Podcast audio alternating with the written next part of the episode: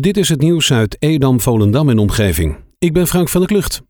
De afgelopen week hebben veel inwoners uit de regio Waterland gestemd op hun favoriete clubs en verenigingen. Via Rabo Club Support zijn diverse bestedingsdoelen opgegeven door lokale verenigingen voor ondersteuning en stemden Rabobankleden vervolgens op hun favoriete club of stichting. 184 verenigingen uit de regio krijgen dit jaar vanuit Rabo Club Support financiële ondersteuning. Een van de clubs is de voetbalvereniging RKAV uit Volendam. Zij ontvingen de meeste stemmen, dat resulteerde in een bijdrage van ruim 4200 euro. Zij gebruiken de steun voor het aantrekken van een jeugdtrainer.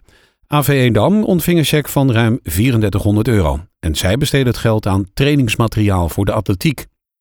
De KNVB heeft een plan gepresenteerd om amateurvoetbal mogelijk te maken in coronatijd. De Voetbalbond hoopt in een gunstiger scenario de competitie in het weekend van 16 en 17 januari weer op te kunnen starten.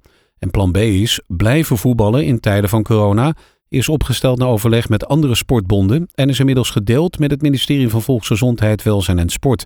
De KNVB heeft fases opgesteld die synchroon lopen met de routekaart van het kabinet en waarmee kan worden op- of afgebouwd afhankelijk van het aangegeven risiconiveau. Sinds 2014 stelt het Dijklander ziekenhuis iPads beschikbaar voor patiënten.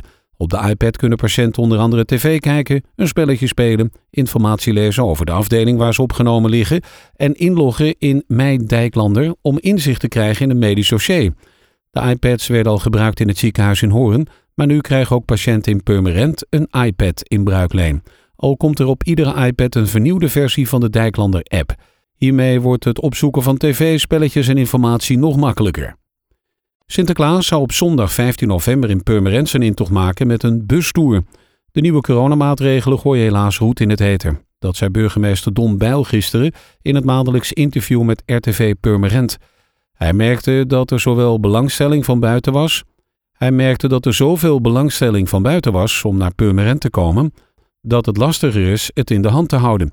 Naast eventuele aantrekkingskracht is de burgemeester bang voor mensen met een kort lontje die zich niets van de coronamaatregelen aantrekken. De daling van het aantal coronabesmettingen in de regio Zaanstreek-Waterland lijkt door te zetten. Tussen dinsdag en woensdagmiddag werden 112 nieuwe gevallen geregistreerd volgens het Noord-Hollands Dagblad. 24 uur eerder werden nog 135 nieuwe besmettingen gemeld. Met 112 nieuwe positieve testen bereikten acht gemeenten in de regio wel een totaal van 8080 besmettingen sinds de pandemie los was gebarsten. Na de 2-0 overwinning van FC Volendam op FC Eindhoven afgelopen zondag wacht aanstaande zaterdag de kraker tegen de Graafschap.